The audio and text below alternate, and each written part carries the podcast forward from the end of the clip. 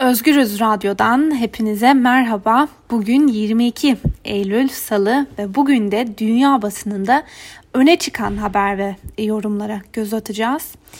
Ee, bültenimize bir kez daha Amerikan basınının en çok konuşulanlarıyla başlayalım. Amerikan basınının gündeminde Cuma gününden bu yana hayatını kaybeden Anayasa Mahkemesi yargıcı Ruth Bader Ginsburg'un boşalan koltuğunun akıbeti daha doğrusu koltuğun ne zaman doldurulacağı tartışılıyor. Ve dün de aktardığımız gibi Ginsburg'un ölümüyle dengelerin bozulması ve muhafazakarların çoğunlukta olduğu Anayasa Mahkemesi'nin ideolojik dengesinin sağ kanada kayması olasılığı gündeme geldi. Çünkü Trump ve yönetimi boşalan koltuğa hızla yeni bir muhafazakar isim yerleştirme telaşına girmişken Demokratlar ise buna karşı çıkarak boşalan koltuğun seçimlerden sonra yeni başkan tarafından seçilmesi gerektiğini savunuyorlar. Ancak Trump'ın geri adım atmaya niyeti yok gibi gözüküyor ve bu kez de Trump'ın Anayasa Mahkemesi adayının kim olacağı tartışılmaya başlandı. Washington Post'un aktardığına göre Trump Ginsburg'un yerine 4-5 adayı değerlendirdiğini söyledi. Ve bu arada dün de belirttiğimiz gibi Trump'ın kadın bir yargıç adayı bek- belirlemesi de bekleniyor. E, Trump dün sabah Fox and Friends programına verdiği röportajda Indiana'dan Amy Coney Barrett ve Florida'dan da Barbara Logan'ın adaylar arasında olduğunu doğruladı. Her iki yargıç da Başkan Trump'ın daha önce bu eyaletlerdeki temiz mahkemelerine atadığı isimler arasında yer alıyor. Bu arada Trump'ın adayını Ginsburg için düzenlenecek cenaze törenlerinin tamamlanmasının ardından önümüzdeki cuma ya da cumartesi günü açıklaması da bekleniyor. Gazetenin bu yaşanan süreçle ilgili yorumu da şu. Senatoda demokratlar, cumhuriyetçilerin Trump'ın mahkeme seçimini onaylamasını engelleme konusunda büyük ölçüde güçsüz ve başarısız bir izlenim veriyorlar. Oysa ki demokratlar onay sürecini yavaşlatmak için prosedürel taktikler kullanabilirler. Öbür taraftan New York Times'ın aktardığı bir habere göre de Ginsburg'un ölümü demokratlara yapılan bağışın aniden büyük bir hızla artmasına neden oldu. Öyle ki demokratlar şu ana kadar görülmemiş bir şekilde bağış alıyorlar ama seçimlerin yaklaşmasıyla cumhuriyetçilere yapılan bağış oranlarının da artması bekleniyor. ABD'de artan vakalara ilişkin haberlere geçmeden önce yine küçük bir parantez açalım. Belçika'da yayımlanan The Standard gazetesinin Ginsburg'un ölümünün ardından çıkan tartışmalara ilişkin dikkat çeken bir yorumu var bugün. The Standard e, ABD'de yargının siyasi parti politikalarına bağımlı olmasından endişe duyuyor ve yorumda ise şu ifadelere yer vermiş. Yüksek Mahkeme gibi bir kurumun demokratlar ile cumhuriyetçiler arasındaki mevzi savaşlarına çekilmesi ülkenin içinde bulunduğu demokrasi krizinin bir göstergesi. Ginsburg mahkemenin siyasallaşmasından tiksinirdi ama şimdi ölümüyle bunu hiç istememiş olmasına rağmen bu siyasi çekişmeye neden oldu. Bu arada Alman basınından Tagesspiegel ise Senato'daki çoğunluk sallantıda başlığıyla aktardığı yorumda senatodaki dinamiklere işaret ederek dengenin bozulmaması gerektiği konusunda uyarıyor. Yine kapatalım parantezi ve Amerikan basınında konuşulan diğer haberlerle devam edelim. New York Times'ın aktardığı bir diğer habere göre Dünya Sağlık Örgütü dün yaptığı açıklamada ABD hastalıkları önleme ve kontrol merkezlerinin koronavirüsünün havadaki parçacıklar yoluyla da bulaştığına ilişkin yeni kılavuzu yanlışlıkla yayınladığı açıklamasından sonra havadan bulaşma ile ilgili görüşünün değişmediğini bildirdi. Ancak demokratların çoğunlukta olduğu Temsilciler Meclisi'nin başkanı Nancy Pelosi hastalıkları kontrol ve önleme merkezinin açıklamasını geri çekmesini şu sözlerle tepki gösterdi. Bizim bilime ihtiyacımız var, siyasetçilere değil. Trump yönetiminin salgınla mücadele yöntemi kafa karıştırıcı ve bütün bunlar Amerikalıların hayatına mal oluyor. Washington Post'un da gündeminde olan bu habere gazete bir de şu yorumu eklemiş.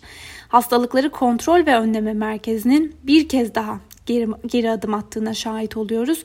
Ancak kurumun savunduğunun aksine bilim insanları virüsün hava yoluyla da bulaşabildiğini söylüyorlar.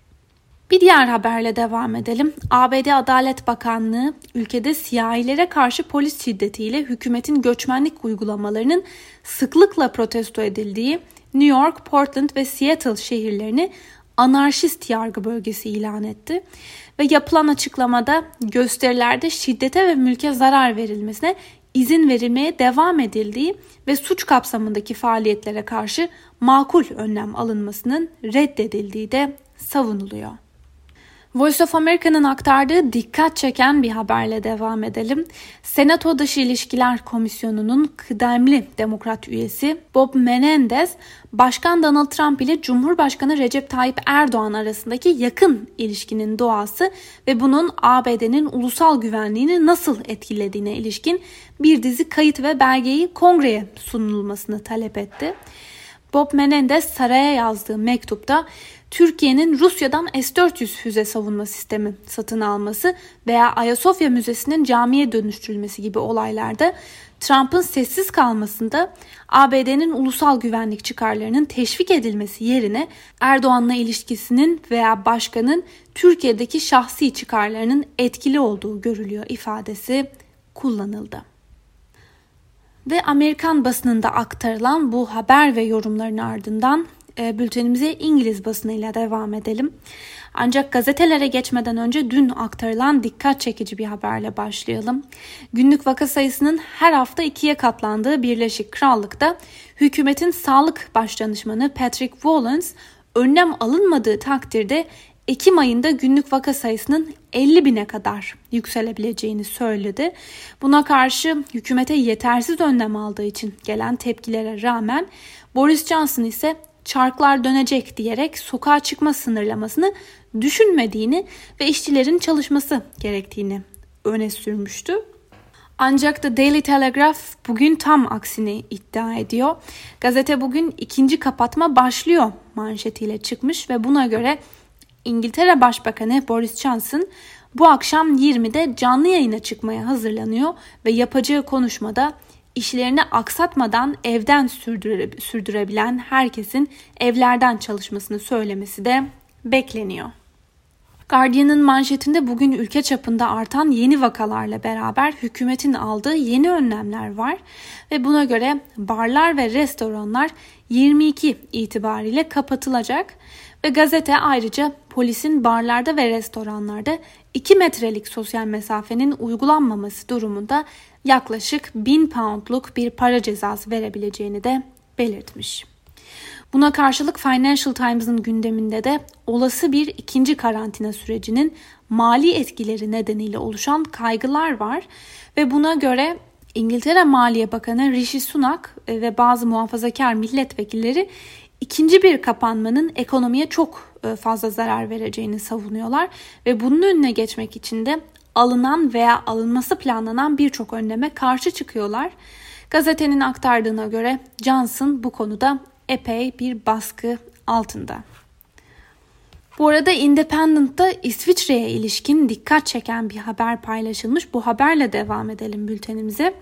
Dünyada tarafsızlığıyla bilinen ve en son savaşını 200 yıldan uzun süre önce veren İsviçre'nin yeni savaş uçağı alma planı 27 Eylül'de yapılacak bir referandumla halka sorulacak. Reuters'ın haberine göre İsviçre'de pek çok kişi süpersonik jetlerin 10 dakikada geçebileceği bir Alp coğrafyasını savunmak için ülkenin son teknoloji savaş uçaklarını almaya ne gücünün yettiğini ne de buna ihtiyaç olduğunu söyleyerek söz konusu fikre karşı çıkıyor. 6 milyar İsviçre frangına mal olacak plana itirazlar yükselirken bazı siyasetçiler de daha basit ve daha ucuz alternatifler aranmasını öneriyor ve kimileri de gelecek 50 yılın neler getireceğini bilmiyoruz diyerek kararı savunuyor. Bu haberin ardından Alman basınından Deutsche Welle'de aktarılan bir haberle devam edelim. Almanya diplomatik çözüm için bastırıyor başlıklı habere göre 24 ve 25 Eylül'de yapılacak Avrupa Birliği Devlet ve Hükümet Başkanları Zirvesi öncesi toplanan Avrupa Birliği Dışişleri Bakanları dün Belarus'a uygulanması istenen yaptırımlar ve Türkiye ile Yunanistan arasındaki doğal gaz arama krizini görüştü. Toplantı öncesi bir açıklama yapan Almanya Dışişleri Bakanı Heiko Maas, Almanya'nın Avrupa Birliği dönem başkanı olarak Yunanistan ve Türkiye'yi masaya oturmaya ikna etmek istediklerini belirterek bunun da mümkün olduğuna inandıklarını söyledi. Euronews'ta aktarılan bir haberle devam edelim. İtalya'da pazar ve pazartesi günü olmak üzere iki gündür süren oy verme işlemi sona erdi ve referandum sonuçlarına göre İtalyanlar parlamenter sayısının azaltılmasına onay vermiş oldu. Evet oyları %70 civarında bulunuyor. İtalyan La Stampa gazetesinin yorumuna göre seçime katılım oranlarına bakıldığında İtalyanlar sanıldığı kadar siyasetten bıkmamış. Demek ki İtalyan demokrasisi düşündüğümüzden daha iyi durumda. Geçtiğimiz haftadan beri artan vaka sayıları nedeniyle de seçime katılımın düşük olması bekleniyordu. Dolayısıyla sonuç herkes için şaşırtıcı yorumu yapılmış bugün La Stampa gazetesinin yorum köşesinde. Bültenimizin sonuna doğru yaklaşırken Mali'ye ilişkin bir haber var sırada. Mali'de 18 Ağustos tarihinde askeri bir darbe yapılmış ve ardından ülkenin devlet başkanı İbrahim Bubakar askerler tarafından alıkonulmuş ve ardından da istifa etmek zorunda kalmıştı. Yaşanan son gelişmeye göre darbenin ardından yönetime el koyan Halkın Kurtuluşu Ulusal Komitesi tarafından dün yapılan açıklamada Mali'deki geçiş sürecinde devlet başkanlığı görevine eski savunma bakanı ve emekli albay Bandu'nun getirildiği açıklandı. Ve son olarak Çin basınından Global Times'ta aktarılan bir habere göz atalım. Birleşmiş Milletler'in tarihi olarak nitelendirdiği 75. yıl dönümünü anmak için düzenlenen yüksek düzeyli zirveye Trump da ABD'nin Birleşmiş Milletler Büyükelçisi de katılmadı. Ancak zirvede öne çıkan Çin Devlet Başkanı Xi Jinping uluslararası sistemi ve işbirliğini savundu yaptığı konuşmada.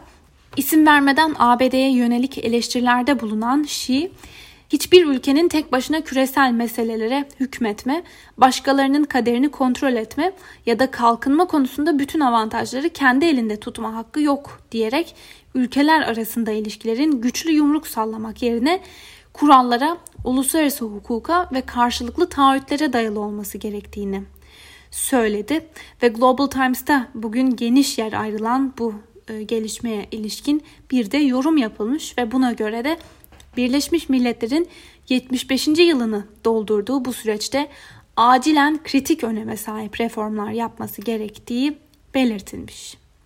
Sevgili Özgürüz Radyo dinleyicileri, Global Times'tan aktardığımız bu haber ve yorumla birlikte bugünkü programımızın da sonuna geldik. Yarın aynı saatte görüşmek dileğiyle, hoşçakalın.